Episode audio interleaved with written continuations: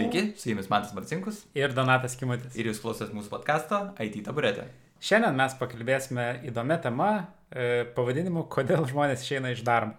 Kodėl žmonės keičia darbą? Kodėl, ir kodėl žmonės keičia darbą. Taip. E, tai visų pirma norėtumėm papasakoti, kodėl pasirinkom tokią būtent temą. Tai pasiskaitę vieną straipsnį, pamatėm, jog e, dabartinės kartos žmonės, tie žmonės, kurie baigia universitetus ar mokyklas e, nuo 2010 metų ir vėliau, e, įsidarbinę keičia darbą dvigubai daugiau kartų per pirmus penkis metus nei žmonės, kurie baigia, darbą, baigia universitetą 1990-aisiais. Mhm. Ir, ir šitie skaičiai vis auga ir auga. E, tai mes norim šiandien apžvelgti, kodėl taip yra. E, ir turbūt kiekvienam straipsnė, kurį skaitėme, matėm, jog IT žmonės yra tarp e, pirmųjų visada e, vietų topuose, kurie dažniausiai ir keičia tos darbus. Taip, e, tai vienas iš tų dalykų tokių, kur matomas jis labai stipriai, kodėl. Tai palyginus procentaliai tarp e, technologijų kompanijose, e, tai technologijų kompanijos turi e, 13,2 procentų darbuotojų kaitą, e, kas yra net 2 arba net 4 procentais daugiau nei kitos visos industrijos. E, ir pavyzdžiui, nu, mes galim paimti pavyzdį didelės e, IT kompanijas, technologijų, kaip pavyzdžiui Uber, Dropbox, Tesla ir panašiai. Nu, tai galima tiesiog prabėgti trumpai Mhm. labai skaičius. Prabėkim, tai labai įdomu yra tiesiog. Tai pradėkim gal nuo pat daugiausiai be- besikeičiančių kompanijų, vadinkim taip, e, kur darbuotojai trumpiausiai išbūna, tai yra pavyzdžiui Google, e, tai net 1,1 metai. E, Prisiminiau dabar, kad Amazon yra trumpesnis net tik metai, tai reiškia, žmonės metus pabūna ir išeina. E, Bet įdomus dalykas yra tai, kad Google yra 1,1 metai, o Alphabet tėvinė kompanija e, yra darbuotojų kaita yra maždaug 3,2 metai. Tai pavyzdžiui, paskui didesnės kompanijos, tokios kaip Uber, kurios yra netokios stabilios, tai 1,8 metai, Tesla e, 2,1 metai, Facebookas 2,5 metų, Netflixas virš 3 jau ir Apple yra 5 metai, dėl to, kad ten maža kaita tikriausiai labai gerai nurūpinas darbuotojais, šiaip tai produktai nesikeičia ir didelis gan approval reitas ir šiaip kyla pastaruoju metu kompanija į viršų. Plus dar vienas dalykas, aš ir pats neseniai pakeičiau darbą, tai galbūt dėl to ir visai yra ta tokia tema, kuri šiek tiek kalbam dabar, kas vyksta Mhm. su tom. Tai va. Jo, ir dažniausiai yra girdimas dar toks trendas, e, bent jau IT pasaulyje, kad reikia keisti darbą dažnai, tai tarkim kas du metus, gal net ir dažniau kai kurie sako, būtent tam, kad praplės savo tiek techninį e, Mhm. steką visą ir, ir įgūdžius, tiek e, šiaip visą pasaulyje žiūrą ir pamatyti, kaip kitur yra daroma. Mhm. Tai dabar pabandysim pasigilinti į tas e, konkrečias priežastis, kodėl žmonės išeina iš savo seno darbo ir eina į naują darbą ir ar iš tikrųjų tas trendas yra teisingas ar neteisingas. Mhm. Tai pati pirma priežastis, kuri, nežinau, čia svarbiausia ar nesvarbiausia, bet tiesiog pirma, kurią apžvelgsim, tai yra, jog mato galimybę kitoje vietoje greičiau aukti, naudoti naujesnę technologiją ir greičiau siekti savo tikslų. Tai Čia toksai kompleksinis, e, Aha. kompleksinė visa e, priežastis, bet jinai labai susijusi ir dažniausiai žmonės vis tiek nori žiūrėti ir savo reikalų, tai ką jie toje įmonėje daro. E, apie tai, kaip tai siejasi su įmonės e, požiūriu dar pakalbėsim. Mhm. Bet jeigu žmogui nėra jokios galimybės aukti toj įmonėje, tai reiškia, jog jisai daro kažkokį neįdomų darbą arba daro visai su ne ta technologija, su kuria jis norėtų daryti ir kokie yra jo tikslai tame ilgesnėme laikotarpyje. Pavyzdžiui, jeigu nori žmogus tapti gerų backendo programuotojų, bet jį verčia frontendą daryti, nes toks Mm. projektas dabar. Tai čia turbūt viena iš e, jo tų priežasčių, kodėl žmonės išeina. Aš čia tikriausiai irgi galėčiau atliepti ir čia man irgi be galo šitas svarbu. Tikriausiai čia mano viena iš priežasčių, kodėl aš irgi pakeičiau darbą, tai yra būtent tas matymas, kad augimo to galbūt netokio greito jau ir yra. Mm. stoja. Kitas dalykas yra pinigai. Nu, mes negalime išmesti, kad e, nu, tiesiog pinigai yra ne, ne, nelikties dalis.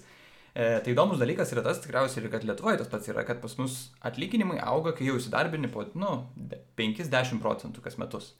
Bet žinom visi ir pakalbėję yra tai, kad nu, pakeitus darbą galima kartais nu, ne, nepasidvigubinti, bet nu, taip 50-60 procentų atlyginimą pasikelti iš karto.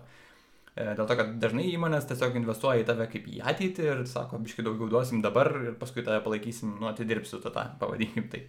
Tai pinigai irgi turbūt yra viena iš, nu, svarbi dalis tikriausiai žmonėms, ypatingai kai tau duoda daug daugiau pinigų, nei tu dabar gauni, nu, labai sunku iš, nu, atsakyti, kai tau sako, ah, im daugiau pinigų. Mm. Tai va.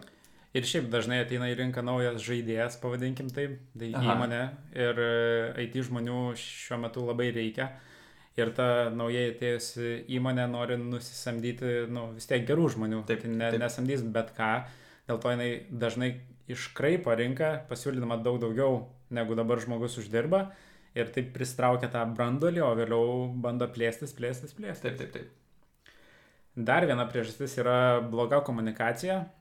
Čia galima būtų žiūrėti iš e, daug perspektyvų, tačiau mes pasirinkom žiūrėti iš e, įmonės vadovybės, tarkim, komunikacijos e, darbuotojams. Mhm. Ir jo, tai jeigu bloga komunikacija, tai žmogus gali nesuprasti tiek įmonės vizijos, tiek tikslų, tiek gali jaustis kartais apgaudinėjamas. Arba... Kad kažkas nuo jo slepiama yra, liktais ar gerai, ir blogai, ir nelabai aišku, kur tu, kurioje tu vietoje nei pats esi kaip darbuotojas, nei kaip pati įmonė, kurioje vietoje stovi. Arba jeigu yra priimami kažkokie didesni sprendimai, kurie įtakoja tavo kasdienį gyvenimą, kasdienį tavo darbo dieną e, ir jie nėra gerai iškomunikuojami, tai irgi labai stipriai gali įtakoti žmonių norą pasilikti toje įmonėje ar ne. Nes tu tiesiog dirbi, tau kažkas nuleidžia į nurodymus iš viršaus, parodo penkių minučių filmą ir, ir dirbkite. tai taip irgi nesidaro dalykai dažniausiai. Taip. E, tai kitas dalykas yra darbuotojo vertybės nesutampa su darbdavio, tai, tai arba kompanijos vizija kažkokia turi savo vertybės apsibrėžusios, mes čia turėjom tokį pavyzdį, galvoju, galbūt yra kompanijos, kurios iš tikrųjų nori tiesiog pinigus uždirbti, nu, jos turi, nori būti pelningos, nes jas, jas investuojama ir panašiai yra, ir sukūriamas būna tokios netikros vertybės, kad mes kažką tai nu, darom, bet iš tikrųjų tai matosi, kad pinigus bando uždirbti tiesiogiai. Mm. Nu, ir darbuotojų, pavyzdžiui, vertybės gali būti visiškai priešingos, žmogus gali nenori tiesiog tų pinigų tiesiog uždirbinėti, jis nori padėti žmogui, palengvinti jam gyvenimą ir panašiai. Nu, ir darbdavys gal, pavyzdžiui, net, net jie ir komunikuoja, kad mes padedam darbuotojui, nu, žmogui paprastam, bet darbuotojas mato, kad jo darbas, kurį jis daro ir kad jo komandos arba net ir kompanija nu, neprisideda prie tos pagalbos žmogui. Tai žmogus tiesiog nusivelia to vietoj nu, ir sako, aš eisiu geriau ten, kur aš galiu padėti jam. Nesvarbu, ar daugiau uždirbsiu, ar mažiau uždirbsiu, galbūt net pasikeis ir tas, net ir sugeba išmest, nes vertybė iš tikrųjų labai svarbus dalykas yra. Jo, ir čia turbūt tik vienas iš daug pavyzdžių, kokių galėtų būti, kai, kai nesutampa vat, tos vertybės. Taip. taip. Uh, tai dar viena priežastis yra blogi santykiai arba su komanda, arba su tavo tiesioginiu vadovu. Tai jeigu to blogi santykiai su komanda, tai viskas labai akivaizdu ir nu, tu tiesiog nepritampi arba tavo komanda atrodo tau labai bloga, tu mm. nerandi jokių bendrų taškų ir labai pasidaro sunku dirbti, tai kadangi tau su tai žmonėm reikia dirbti kiekvieną dieną, tai darosi labai sunku ir dažniausiai labai slegia ir žmonės išeina. Mm. O blogi santykiai su vadovu turbūt yra ne ką e, mažiau svarbus, gal net ir daugiau svarbus, -hmm. nes jeigu geras vadovas, jisai galbūt gali ir padėti išspręsti santykius su, su komanda. E, su vadovu dažnai tau tenka bendrauti mažiau nei su pačia komanda, tačiau vadovas yra žmogus, kuris tau turėtų rodyti kelią, kuris e, turėtų tau padėti aukti ir jeigu jūs su juo negalite susitarti arba jūsų susitarimai yra kažkokie vėlgi butaforiniai, kur sako, kad mm. jo, po metų čia bus geriau, arba po metų tau kelsim atlyginimą, ar kažkas tokio. Ir tai neįvyksta, nes, na, nu, kartai žmonės tiesiog, na, nu, iš tikrųjų būna situacija, kad tik po metų gali pakelti atlyginimą ir, na, nu, po metų ir pakelia dar daugiau negu natūraliai. Mm. Bet jeigu tai nevyksta, tada žmonės pradeda tiesiog nustoti tikėti ir, ir tas vadovas irgi labai uh, turbūt ilgai to įmonė neužsibus, nes jeigu daug žmonių išvažiuoja. Tai dar visokių būna, pavyzdžiui, iš, karto man šovė mintis, kai tu pasakai blogą vadovą ir aš įsivaizduoju, kad vadovas, kuris neprisima atsakomybės ir paskui atiduoda tam žmogui kažkuriam, nu tiesiog iš komandos sako, jis čia kaltas buvo, net ne mūsų komanda ir ne aš, bet jis kaltas ir tada žmogus, nu, toks lieka atpirkimo ožiu, žino, kad komanda ir net ir vadovas galbūt prisidėjo prie sprendimo, bet lieka, nu, vienas kaltas ir tada žmogus, nu, praranda viltį kažkokią, nu, kad gali pasilikti jisai čia tiesiog šitoje įmonėje būti, nes kitą kartą gali būti tas pats. Jis public shamingas net, nu, aišku, tokių vadovų galbūt net nežinau iš tikrųjų, ar kiek jų yra, bet tikriausiai, kad yra, jeigu tokių istorijų ateina iki... Jo, ir, ir dažnai dar vadovai, nu, ne, ne dažnai, bet dažnai blogi vadovai, ką daro, tai manipuliuoja. Aha. Ir, ir labai prisideda čia, vad, ką man tas dabar pasakoja, tai su ta manipulacija jie išlieka patys gero įvaizdžio ir gerai mm. atrodo vir, aukščiau, e, aukštesniems vadovams, tai yra tavo vadovo tiesioginiam vadovui, bet į apačią žiūrint, tai jis tiesiog nu, apsimelavęs kažkoks žmogus būna mm. dažniausiai. Tai tada ne tik tai vienas žmogus gali išeiti, bet ir komandos visos. Taip. Tai va, tai tęsiant su kodėl priežastim, kodėl išeina žmonės, tai patiria arba per daug, arba per mažai streso. Čia toks įdomus dalykas, tai kad e, žmonės, kai kurie mėgsta iš tikrųjų stresą ir jiems patinka būti kažkiek tai strese, tai reiškia, kad stengtis labiau nei man duoda mažiausią užduotį, arba kai kurie ne, nu, nenori dirbti daugiau nei nu, duoda Taip. ir užtenka jiems. Ir čia tikriausiai tokia priežastis, kur nuo žmogaus priklauso, reikia aišku pažinti save ir suprasti, kokioje tu nori būti būsena ir surasti tikriausiai darbo vietą pagal tai. Bet žmonės dažniausiai to nepaskaičiuoja visai ir nepagalvoja, kad, aha, gal aš noriu ramiai dirbti, tai aš naisiu kompaniją, kuri neskuba, kuri projektus ilgus daro ir panašiai, o ne tie, kurie agile dirba ir varo. Kai kuriems žmonėms ten faina yra kas dvi savaitės pušinti, žiūrėti, kaip aš deliverinu ir panašiai. Tai va, tai dar čia prie to pačio tikriausiai tas stresas, nu kiek tu jo nori patirti, bet yra labai svarbus dalykas, tai work-life balance. Tai reiškia, kaip nu, tu jautiesi darbe, ar tau reikia overworkinti, ar dirbti mm. vakarais, savaitgaliais galbūt, galbūt reikia ten būdėti, ten, kai tavo darbo laikas, nu, neįeina, niekaip mm. tiesiog prižiūri savo sistemą ir, nu, kaip ją nu, nuo savo žiūri, bet, nu, ne tavo, bet verčia, manipuliuoja vėl kaip vadovas, kad tiesiog dirbtum. E, tai bet žmonės vertina tai, kad nu, neiškreipiama yra, kad aš galiu pasirinkti dirbti, nu, dirbti savo laiką, ką, kurį tai dirbu, paskui aš išeinu, tai aš turiu savo gyvenimą, nu ir jis balansuoja šitam dalykui. Ir čia dar yra dvi rūšys žmonių, vieni yra tos, net ne rūšys, bet dvi situacijos turbūt yra, kad e, yra situacijos, kai tu esi verčiamas dirbti ilgiau ir yra situacijos, kai tu tiesiog, nu, esi ant tiek įsitraukęs į projektą, į tiek įmonės e, tą produktą gaminamą, kad tu tiesiog dirbi ilgiau ir tu dirbi ir savaitgalį, ir, ir vakarais, tačiau, nu, jeigu tau pirmadienį reikia susitvarkyti kažkokius reikalus, visi supranta, kad tu, nu, Taip, taip, dirbsi šitą. Ja, tas labai svarbu. Ir aš, aš pabrėšiu, tarp kitko, aš čia išskirčiau būtinai, kad vadovas būtinai, nu, šitoje vietoje turėtų būti ir komanda, ir vadovas, ir kompanija turėtų pasakyti, nu, jeigu tu dabar dirbi, nu, tavas tai, nu, nėra geras dalykas, turėtum vis tiek kontroliuoti tą balansą ir panašiai, kad, nu, sakytų, patapšnotų per petį ir sakytų gerai varai, varai kiekvieną savaitgalį, nu žmogus gali paskui įsisukti ir paskui nesupras, kad išeiti iš šito ciklo. Taip, tiesiog tas. Ir dar grįžtant šiek tiek prie to streso, tai čia gal net ne tiek prie streso, bet prie to adrenalino šiek tiek mini jausmą, atrodo, programavimas ir adrenalinas nelabai suderinami, bet kažkiek galbūt suderinami. E, tai irgi yra dvi rūšis, tai vienas dalykas, kai kažkas neveikia visiškai ir tau reikia sutvarkyti sistemą. E, Tai vienokio tipo stresas mm. ir tas adrenalinas ir, ir tas jausmas, kad tu sutvarkėjai ir padėjai ir dabar vėl visi gali naudotis tą sistemą. O kitas dalykas yra, kai yra labai aiškus ir e, trumpi deadline'ai, e, iki kada tau reikia padaryti darbą. Ir vėlgi visi, visi būna labai įsitempę, stresuoja, daug dirba, bet kai padarai, ateina tas toks achievemento jausmas. Mm ir tas jausmas yra geras ir kai kuriems žmonėms patinka. Mm. O kai kurie žmonės kaip tik sako, kad nori gauti tokį darbą, kur būtų kaip įmanoma mažiau atsakomybių, kaip įmanoma mažiau darbo, bet kad jis būtų kaip įmanoma geriau apmokamas. E, bet aš suprantu abi pusės, iš tikrųjų čia labai nuo žmogaus priklauso. Tai tęsiant mūsų priežasčių sąrašą, e, kaip turbūt net, neturėtų būti nuostabu, bet viena iš priežasčių yra, kad kertinių žmonių išėjimas paskatina ir kitų žmonių išėjimą. Mhm. Tai reiškia, kad jeigu žmogus, kuris pradirbo įmonėje tam tikrą laiką ir susibūrė aplink save e, komandą, galima sakyti, nebūtinai tai turi būti komandos lyderis ar vadovas, bet žmogus, į kurį visi kreipdavosi, eidavo pagalbos, tiesiog paima staiga ir išeina, tai daug tų žmonių jo rate susimasto ir pagalvoja, ar man dar nelaikas išeiti ir o kodėl tas žmogus išėjo Kai kurie galbūt žmonės priima tai kaip iššūkį užimti jo vietą, e, bet dažniausiai irgi, kiek skaitėm straipsnių, pastebima, kad e, jeigu išeina kertinis žmogus, tai dviejų, trijų mėnesių bėgėje išeina dar tokia mini banga ir ten jau priklauso nuo komandos dydžio, bet apie 2-3 žmonės beveik visada. Sekėjai.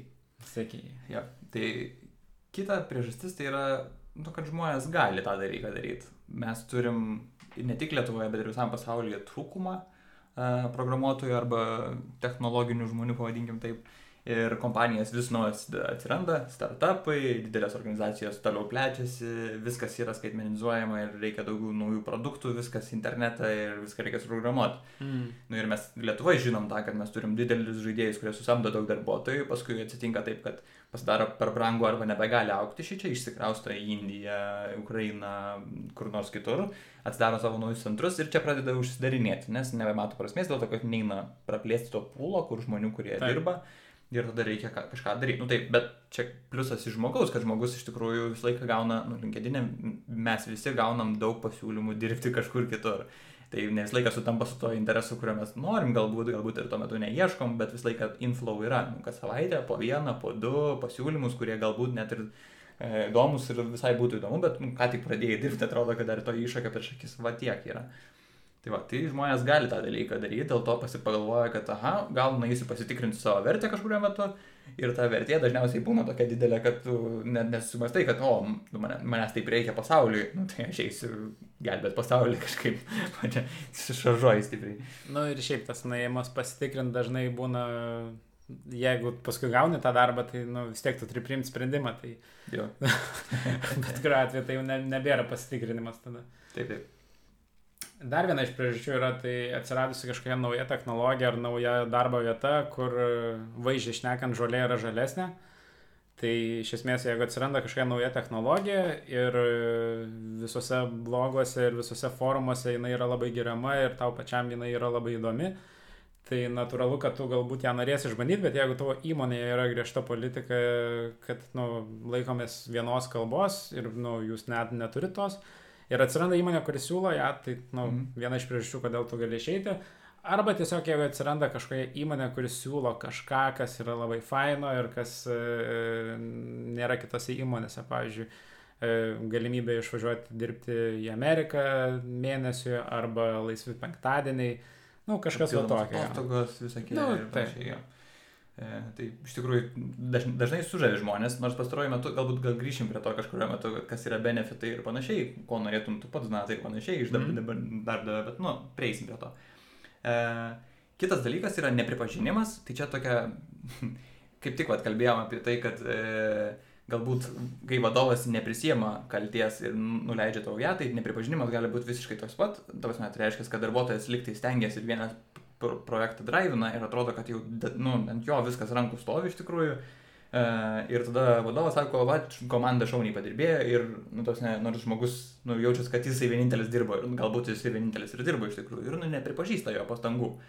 Ne tik tai nepripažįsta, mes čia kalbame ne tik tai apie projektą kažkokį achievementą, nu, mm. bet patapšnojimą per petį ir pasakyti, nu, labai šaunuolis, kad tu taip dirbi, bet ir, pavyzdžiui, visokių nu, pokyčių, jeigu žmogus mato, kad problemos yra ir nepripažįsta, kad nu, kiti aplinkui žmonės, kad nu, nėra tų problemų, iš tikrųjų, jie gal, nu, jis galvoja, mato tik tai galbūt, bet nu, tokio nepripažinimo tai daug yra iš tikrųjų, tikriausiai pas, kaip čia, Lietuvoje tikriausiai iš senesnių laikų yra daug vadovų, kurie nemėgsta pripažinti savo nu, kažkokių komandos narių vien dėl to, kad nu, nu, nereiktų jų su, kažkaip su, sudėvinti, pavadinkim taip, kad nepasijaustų kažkokie didesni nei yra iš tikrųjų. Mm. Nors iš tikrųjų tai geras dalykas yra pagirti savo pavalinę ir panašiai. Taip. Ir turbūt šiek tiek ryšasi su tuo, ką tu sakei ir su to, ką mes prieš tai jau kalbėjome. Daug dalykų ryšasi. Tai nepasitikėjimas iš vadovybės. Uh, tai šitą galima iš tikrųjų interpretuoti įvairiai. Aš pasirinksiu e, būdą, e, kad e, nuleidžia būdus, kaip tau reikia dirbti, ar daryti darbus, ar kokią technologiją naudoti. Labai yra sunku dirbti įmonėje, jeigu prie kodo nesilienčiantys žmonės arba technologiškai nebesidominti žmonės, tau turi nustatyti tai, kokią tu va technologiją naudosi, nes šita technologija yra įmonės kryptis, tarkim. Mm -hmm Tai, tai yra labai sunku arba tiesiog irgi vat, tos darbo būdus, jeigu, jeigu tau atrodė prieš tai, kad tu dirbi labai tvarkingai ir gerai ir iš tikrųjų komandai sekėsi ir performino, tačiau pasako, kad dabar dirbsim visi kažkaip standartizuotai pagal kažkokius naujus būdus ir, ir iki galo nepaaiškina, kodėl tai yra naudinga, tai manau, kad dalis žmonių dėl to vat, būtent gali irgi pasirinkti išeiti iš darbo. Taip, čia aš dar pridėsiu uh kad prie to gali būti tas nepasitikėjimas ne tik iš vadovybės, bet ir iš komandos. E, tai tiesiog bus, nu, įsivaizduokim, kad ir žmonės, kurie nori užsisėdėję savo vietoje yra ir tiesiog, nu, kai naujus pasisamdo žmonės ir jie nepasitikė jais. Nesvarbu, kad jie gali labai daug deliverinti ir panašiai. Tai gali būti tas nepripažinimas, nepasitikėjimas, tai vat, gali pers, pe, pereiti į tokį vat, užsuktą ratą, kad iš tikrųjų tu laikais tos stipriausius savo darbuotojus, kurie yra, nu, atrodo patikimi ir panašiai, bet jie to pačiu ir nepriema naujų žmonių, kurie galėtų mm. jos nu, padengta, paskui jeigu netyčia tiesų galvotų išeiti, nu, ką tada daryti. Ir turi užburtą ratą iš tikrųjų. Jo.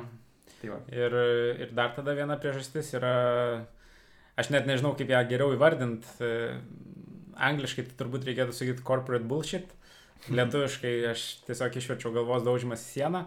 Ir čia yra netgi ne tiek, kad viena iš pagrindinių priežasčių, kodėl žmonės išeina iš darbo, čia yra e, bent jau kiek esu skaitęs, kad viena iš priežasčių, kodėl e, jauni žmonės, va tie naujos kartos, nesirenka didelių korporacijų kaip e, darbuojatas ir labiau renkasi startupus. Tai dėl to, kad jeigu žiūrėtumėm į didesnės įmonės, e, ir vėl nežinau, ką reiktų vadinti korporacijom, bet tiesiog į didesnės įmonės, kuriuose yra pakankamai daug taisyklių ir atsiranda įvairūs lygiai, kuriuos tu turi pereiti, kad pasiektum tam tikrą sprendimą, tai padaryti pakeitimą, kaip tu dirbi, arba įvesti naują technologiją, naują tvarką, bet ką pasidaro labai sudėtinga. Mm -hmm. Ir jeigu tu iš tikrųjų įdedi labai daug darbo ir suderini su savo tiesioginiu vadovu, tavo tiesioginis vadovas suderina su savo tiesioginiu vadovu ir atrodo, kad jau viskas, viskas bus gerai, tačiau tas sprendimas užstringa kažkur dar aukščiau ir tiesiog pasako, kad, nu, ne, sorry, nes tokia yra mūsų įmonės politika, tu negali to daryti. Tai įdėjus tiek daug darbo, natūraliai ateina nusivylimas ir toks jausmas, kad tu lygiai nieko negali padaryti ar pakeisti. Bejėgis. Bejėgis ir tada tiesiog kai kurie žmonės irgi mm. išeina, nes nepasidaro nebeįdomu. Aš čia pridursiu dar, čia galvos daužimas nebūtinai į viršų gali būti, gali būti ir horizontalus visiškai. Nu ir komandos, pavyzdžiui, nu yra E, kaip čia, jeigu didesnė kompanija, tai pavyzdžiui, gali turėti tokias struktūras kaip gildai arba kažkokie grupės nusprendžiančios, kaip dabar developinsim savo technologiją, nu, tipo, nu, arba naudos technologiją ir panašiai, tai gali būti, kad yra kažkokie lyderiai, kurie netiki tam tikrais mm. dalykais ir neina jų pramušti.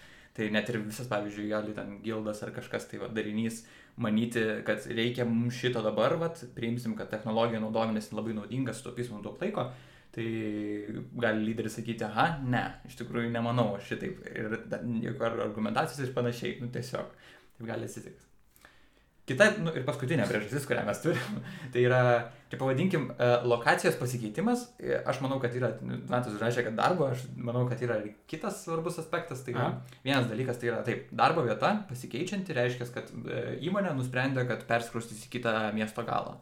Nu ir tu turi problemą, kur tau ką tik buvo 5 minutės iki darbo iš namų su šlepetė nunait. E, ir staiga pasidaro, kad reikia važiuoti 45 minutės su mašina per kamščius. Čia 45, tai čia, nu, mm, gal net. Čia dar normalu. Normalu, ja. Tai, bet toliau kažkur važiuoti ir tau ten nei vaik, vaikus patogiai vežti, nei kažką, tai paskui grįžti atgal labai sunku, nu, toks netoksai, atrodo, kad daug, daug, nu, sudėtingiau. Tai žmonės iš tikrųjų pradeda galvoti ar man reikia nu, gaišti tą laiką. Aišku, dabar mūsų to remote workų, kaip mums dabar leidžiama dėl to, kad COVID yra, bet šiaip tai žmonės iš tikrųjų mm. įdeda tą į, į lygtį, pavadinkim taip.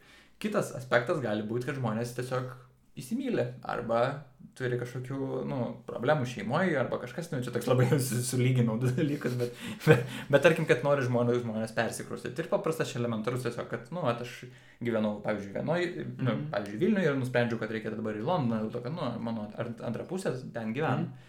Tai čia nebūtinai įsimylė, bet gali būti, kad ir antros pusės pasikeitimas darbo gali įtakoti šitus dalykus ir panašiai.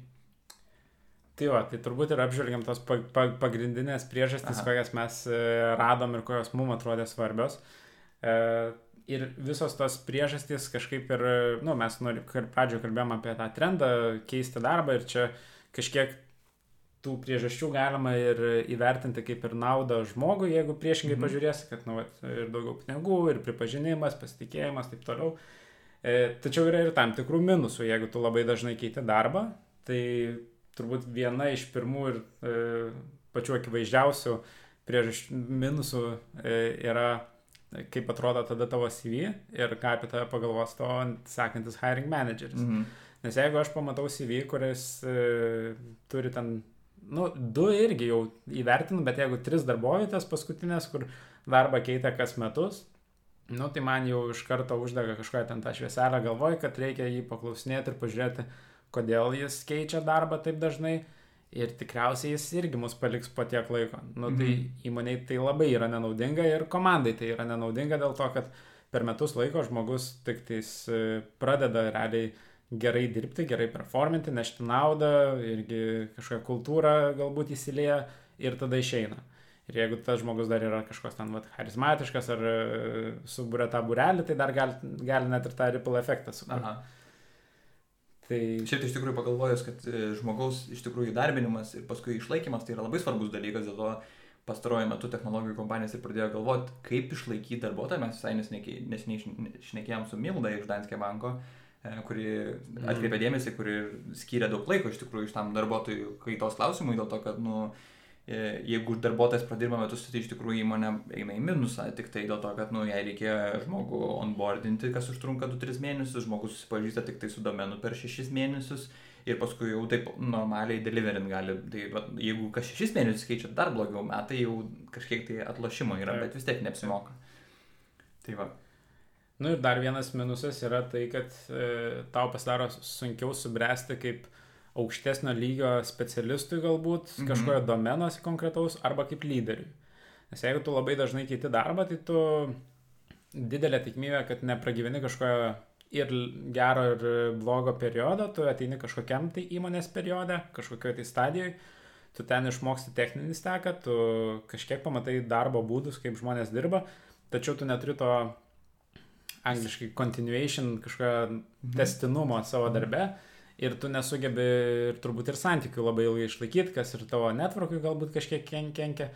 Tai jeigu žmogus nori būti lyderiu, komandos vadovu ar kažkuo, nu, tai turbūt čia irgi nėra labai geras dalykas ir apsunkina visą šitą. Mm, sutinku. E, tai Donatai, kaip tu galvoji, e, kokiu, kaip dabar įmonės turi sužavėti tos darbuotojus, kad pasilikt e, įmonė ilgiau? Nes aš turiu keletą pavyzdžių, galėčiau pasakyti, pabandyti pažaisti žaidimą, ar tave sužavėtų toks benefitas, jeigu įmonė tave samdytų. Jeigu ten yra dainavimas ir šokimas, tai galim. nu, pabandom. E, tai pavyzdžiui, ar sužavėtų toks dalykas e, gauti kelionių pinigus, tai 2000 dolerių kas ketvirtį. Aha, keliauti. Keliauti. Tai, tai čia galima išleisti. Iš tikrųjų, tai bukinti savo kažkokius nu, viešbučius ir panašiai. Ar patiktų toksai perkas? Taip. tai tai tokį vad duoda Airbnb. Tai neblogai skamba, iš tikrųjų, man atrodo, va toks. Dabar, iš tikrųjų, tai klausiu, nes pas mus dabar, nu, kaip darbinas, tai visą laiką paminė tokius dalykus kaip stalo tenisas, stalo futbolas, turim e, kavos aparatą. Va, vandens duodam. vandens duodam. Yra kuo kvepuoti. ir gal Ir, ga, ir gal stalą gaus. Gal stalą, pakeliami stalai visą laiką paminė, nes tai yra kažkoks... Nu, pakeliami stalai yra gerai. Ja, pakeliami stalai yra gerai, bet aš turiu minį, kad, nu, keista, kad jų nebūtų, nes jau čia toksai standartinis dalykas, kad, ja. kaip ir stalo futbolas ir stalo tenisas, kas iš tikrųjų nebežavi, nes žmonės iš pradžių žavėjos, bent jau mm. mane irgi žavėjo, kad buvo faina, gali pažaisti, paskui tas išgeso, nu, tikriausiai. Atsibos. Taip, atsibosta. Turiu kitą, e, čia toksai biškai rimtesnis, blogesnis gal skamba. Blogesnis. E, po mirties tavo. Ne, nedomina. žiūrėk, žiūrėk. Tavo alga, alga 50 procentų tavo algos mokėtų tavo antrai pusiai mm. e, 10 metų. Ar patiktų toks perkas? Ne. Nepatiktų, ne, aš turiu žiūrėk. Tai gerai, ar tavo antrai pusiai patiktų? Nežinau, nes nežinotų, kad. Ne, bet Šiaip aš. E, Google'as šitokį perka duoda. Tai va, toks irgi iš įdomesnių yra. aš turbūt esu per daug savanaudis, bet man, nu, ne, aš ten norėčiau tokio perko ir, tipo, kai aš, mir, kai, kai, kai aš mirsiu, žmonės liūdės. o ne džiaugsis, nes gaus 5 procentų. Tai va, tai šiaip tai, nu, daugiau tai tokių yra pliusų visokių. Ten Netflixas, pavyzdžiui, duoda, nu, ten didesnės korporacijos, nu, kompanijos didžiausios tos, kurias minėjau prieš tai, tai jos duoda ir nemokamus pietus. Ten pilnai nuo pusryčių iki pietų, užkandžiai, mm. viskas. E, e, labai prailgintos atostogos. E, Netflixas neduoda iš viso neribotas atostogas, kiek nori išeiti. E, paskui e, Netflixas duoda ir Netflixą nemokamai, kas yra irgi neblogai. Būtų keista, jeigu neduotų. ja. E, Apple po penkerių metų darbe, dėl to, nu, kaip vidutinis tas e, darbuotojų kaita, nu, taip sakė, žmonės išeina iš Apple yra penki metai, bet Apple duoda po penkių metų, duoda metų gap yearsus, kur tu gali eiti kur nori, nu, taip pat apmokamas atostogos metams yra. Which is pretty nice. Čia kaip universitetą studijuoji, paskui išeini, nu, taip pat metus paskui ten po pasaulį varai. Tai čia Apple duoda šitą kaip perka. Čia amazing. O paskui dar penkis metus išdirbi ir vėl duoda? Jo. Nice. Tai labai neblogas toksai. Tai va, tai šiaip tai bendrai tai yra tokių perkų. Klausimas, ar tave kas nors dabar sužavėtų, jeigu tau pasakytų, aha, nu išskirius šitos. ar, tau, ar, ar tau suveiktų va, stalo futbolas, stalo tenisas ir panašiai? Ko tu norėtum išgirsti? Ne, turbūt stalo futbolas, stalo tenisas nelabai. Nežinau, gal ne, kažkokių gal benefitų specialių dabar į galvą nešauna, nu gal vat e, atostogos, Mhm. kur man visai patinka tas e, dalykas, kai įmonės duoda neribotas ale atostogas, nors iš tikrųjų jos vis tiek yra ribotas, nes tada kažkas turi išleisti, bet jeigu tu e, žinai, kad tu nori dviejų mėnesių atostogų per metus, tai tu galbūt performini daug geriau tos likusius 10 mėnesių Aha. ir, ir tu jas tiesiog užsidirbi. Ja. Ir tada turi daugiau laisvo laiko. Bet šiaip nežinau. e, O tau? Ne, manęs irgi nebež. Nei stalo tenisas, nei futbolas, nei užkandžiai, nei aš ten labai jau daug valgau, nei ką man, nu, toks, taip, aišku, faina yra, kad kažkokį saldumynų gali pasimti, nereikia pačius apirkti, bet aš ir pats galiu nusipirkti, jeigu man tikrai, tikrai, tikrai noriu. Tai man irgi tikriausiai atostogos yra papildomas skaičius atostogus, yra labai faina turėti, tiesiog, kad tu gali išnaudoti tas dienas. Plus, kad, nu, darbdavys gali išleisti, pavyzdžiui, atostogų, Mhm. nes, pavyzdžiui, ne visas įmonės nemokamų atostogų išleidžia, nes pagal darbo kodeksą turi būti priežastis, bet tam, nu, sugalvoja darbdaviai, tai kas yra visai gerai. Ir panašiai.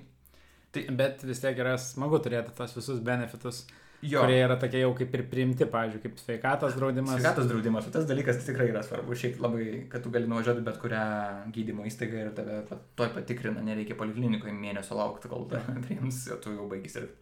Jo, jo, bet, nu, įsivaizduoju, dabar ateitum į įmonę, kuri iš tikrųjų neturėtų kovos aparatą, neturėtų jokių perksų, nu, ten stalo futbolo, stalo teniso.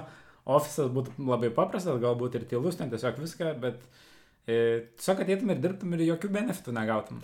Nu, Ir būtų irgi įmonė, kur, kur siūlytų tos benefitus. Nu, tai jie kažką reiškia, bet tiesiog norim ką pasakyti, turbūt, kad jie yra labai šiuo metu standartizavęsi, tie pagrindiniai tokie, kad jie nebedaro to tokio lemtingo e, potraukio į kažkokią įmonę įti dirbti. Dabar klausimas yra tikriausiai paskutinis, tai yra ką daryti įmonėms, kad sumažėtų ta darbuotojų kaita. Nu ir čia yra keletas dalykų tikriausiai, kuriuos reiktų paminėti. Ir jie labai labai stipriai ryša su, e, su to, ką mes kalbėjom, kodėl darbuotojai keičia Taip. darbą. Tai Mhm. čia atvirkščiai, kodėl tas pats, bet labai panašu yra.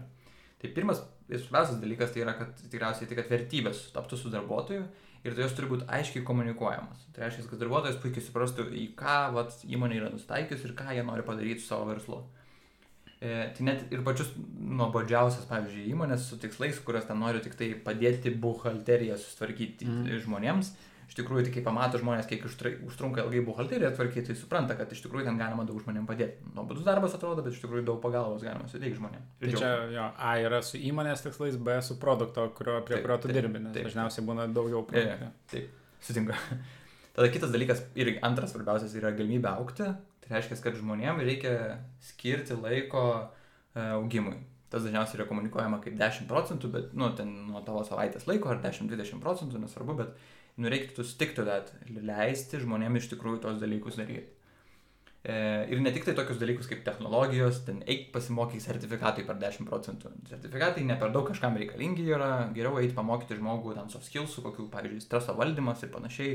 Nu, tokių, kur žmogus iš tikrųjų galės panaudoti kažkur kitur darbę, jis jausis įvertintas. Kad, arba vertinamas šiaip bendrai, kad jis ne tik tai kaip rankos yra reikalingos, o taip dar ir kaip žmogus, kuris gali sutvarkyti savo stresu, savo laiko planuoti ir panašiai. Arba jeigu kalbant apie techninius įgūdžius, tai sertifikatai jie yra tokie jo šiek tiek atgyvenęs reikalas atrodytų, bet labai svarbu yra žmogui, jeigu jis nori techniškai aukti e, ir įmonė gali tam skirti laiko, tai pavyzdžiui, esu girdėjęs, kad kai kurios įmonės skiria per savaitę vieną dieną, kur žmonės gali tiesiog mokintis tai, ką nori. Mm. Na nu, ir jeigu tu turi tikslą išmokti AngularJS, tai tu gali vat, e, keturias dienas dedikuotas per mėnesį mokintis AngularJS. Galbūt tu po jų pamatysi, kad tau tai nebeįdomu ir mokinsis kažką kitą, bet čia irgi nu vienas iš tokių Mm. būdų. Ir dažnai žmonės, va tas ir būna įgingiausias dalykas, dėl to sakau, kad būtinai turi žmonės nu, mokytis per tą dieną, nes ne kažką tai bandyti pasikečapinti, nes būna Mm. žmonės tiesiog, o turėsiu dar vieną dieną ten ramiai, jokios printų darbų nebus, aš ten pasibaigsiu darbus. Nu ne, turėtum ir pats rimčiau galbūt pažiūrėti. Tai, bet čia sakė man. E, kitas dalykas yra patogi vieta dirbti, tai ką mes juokavom, kad virtuvėlė ir panašiai kavos aparatai, tai turi būti nu, gera, geras darbo stalas, gera kėdė iš tikrųjų, nes žmonės visą laiką sėdi, tai labai svarbu yra kad būtų kur papietauti ir kad technika būtų normali, net gyvenus ne kažkokią negailėti pinigų, nupirkti naują kompą ir panašiai. Nes nu, tas kompas ilgiau dirbs, žmogus norės su juo ilgiau dirbti, bus jaučiasi patogiau ir panašiai. Jo, tai yra ten toks Joelio testas, kur įvertina įmonės e, sveikatingumą, mhm. IT įmonės. Tai ten vienas iš punktų ir yra, kad e, nėra jokios prasmės nenupirkti brangiausios įmanomos įrangos ir programinės įrangos, jeigu tai neša naudą. Jo. Nes tai vis tiek tau indend atspirks. Mhm. E, kitas dalykas tai yra atlyginimas nu, jeigu nori, kad tavo darbuotojas neišeis, tai tu duok jam konkurencingą atlyginimą. Ne, nebandyk įdarbinti ir išlošti iš darbuotojo. Netoks tikslas įmonės. Ne iš darbuotojų tu uždirbi pinigus, o iš to, ką darbuotojas padaro ir įmonė atneša savo klientui, kuris moka pinigus. Mm. Tai reiškia, kad tu turi investuoti į savo darbuotoją kažkaip tai, kad jis tau atneštų didžiausią naudą. Tai reiškia, kad nepagalvoti apie tai, kad o dabar įdarbinau ir po metų 5 procentų, 10 ir pradėti skaičiuoti e, savo biudžetą pagal va šitai, kad, na, pakelsim ten po kažkiek tai nu, reikia matyti, kad darbuotojas gali žymiai greičiau aukti iš tikrųjų ir jam reikia atitinkamai nu, mhm. atsilyginti už jo darbą. Kitas dalykas, ką minėjom, tai benefitai, toks labai trumpas, jau kalbėjom nemažai, sveikatos draudimas, atostogos, e, dienos mokymusi ir paskutinis tai yra gerbti savo darbuotojus. Tiesiog. Nereikia galvoti, kad tavo darbuotojai yra kvaili ir nesupranta dalykų, kai kurie būna tikrai protingesni už bet kurį menedžerį, net gali būti ir iš viso jo, kad darbu, visus darbuotojus įmoniai tai kad duoti jiems nu, visą informaciją, kad jie galėtų patys įvertinti, kaip yra, nu, dausime, bet nebandyti slėpti kažko nuo jų, nes jie liktais nesupras dabar kažko. Tai. E, jo. Ir dar vienas dalykas, toks labai trumpas, tai paskaičiau ir prisiminiau, tai e, kaip ir tu minėjai, sutvarkyti savo darbo kažkokius naminius reikalus arba savo asmeninius reikalus darbo metu, labai faina ir gauti siuntinius į ofisą. Žiauriai smagu. Nu, tai nereikia dirbti savo namų administratoriam. Nereikia, paskambina, sako, bus iš 15 minučių ir tu dabar eini namo. Nesąmonė, tai geriau, kad administratorius tos dalykus sutvarkytų. Jo, dabar paminėjau, aš pagalvojau, mes gal ir nepaminėjom lankstaus e, darbo grafiko, nu, taip mm. tarp eilučių paminėjom, bet iš esmės, jeigu man dabar reikėtų dirbti įmonėje, kuri dirba nuo 8 iki 5, nu sunku būtų. Aš, kur griežtai dirba. Tai... Jo, kur griežtai dirba, kur tu aštuntą turi ten čekiną padaryti. Nu sunku būtų. Ten jeigu labai įdomu to įmonėje dirbti būtų, tai all good, bet šiaip tai, nu, keista tiesiog būtų, nes dabar tiesiog pagal savo irgi e, asmeninę gyvenimo kažkokius dalykus, kuriuos turi tvarkytis, dėliojas ir savo darbinio, darbinį grafiką. Tai labai gerai, kai kartais gali išeiti iš darbo antrą dienos žinodamas, kad tu vis tiek darbą padarysi ir... Ja. Ir laiko skaičiuoti, kad nereiktų tau skaičiuoti laiko darbę, tai reiškia, turi menį užsižymėti kokį nors sistemui, kad tu vadirbi prie to projekto, nes atrodo, nu, jeigu nori kontroliuoti savo darbuotojus, suras kokį nors kitą būdą, o ne žymėti skaičiukus, nes žmonės ten vis tiek meluos, nu, kokia prasmė tos. Ne, bet čia, daž, nu, čia žiauriai blogas dalykas yra, bet dažniausiai tai ne dėl kontrolės šitas yra, o tiesiog, kad nu, neturi normalaus įrankio arba neturi kažkokios sistemos, kaip skaičiuoti projektų pinigus. Yeah, yeah. Bet nepasitikėjimas čia, man atrodo, dažniausiai, žinok, žaidžia. Aš manau, kad žaidžia ir ant to, ir ant to. Čia toksai visapusiškas balansas gali būti. Mes čia užsidiskutuosim, tai jau gal reikia tiesiog nueiti. Gerai. Visiškai kitą temą. E, tai į kitą temą nueisim kitam podcast'e, bet uh, užbaiginėjant šitą. Uh, tai pradžioje iškėlėm tą trendą, kad uh, žmonėm yra gerai IT pasaulyje keisti darbą dažnai. Tai iš to, ką viską pakalbėjom čia, tai iš tikrųjų nėra tokio tiesioginio atsakymo, ar tai yra gerai ar negerai, ir tai, tai labai priklauso nuo žmogaus. Kai kurie sako, kad vienintelis būdas normaliai pasikelti atlyginimą yra keisti dažnai darbą, tačiau jeigu pažiūrėsim į žmogų, kuris ten dirba Google, e, tarkim, dešimtmetį, tai jis greičiausiai uždirba dabar jau daug daugiau pinigų negu mm. žmogus, kuris dažnai keičia darbą, nu, taip vidutiniškai paimkime, ne? Ne, ne, ne, nes yra visokių atvejų. Kažkur skaičiau, kad jeigu darbuotojas, kuris pradėjo Google iki dabar dirbo, jam dabar yra 40 metų, tai jisai bus uždirbęs 99 procentais daugiau nei bet kuris darbuotojas e, dirbęs nu, nuo tada. Taip. E, tai va, ir iš esmės turėkit e, minti tai ir žiūrėkit e, į savo asmeninius poreikius ko jūs siekiat, ko jūs norit, ar, jum, ar jūs jaučiatės patogiai ir, ir tiek. Tai ačiū, kad klausėtės. Su jumis buvo Mantas Marcinkus ir Natas Kimutis. ir iki. Iki.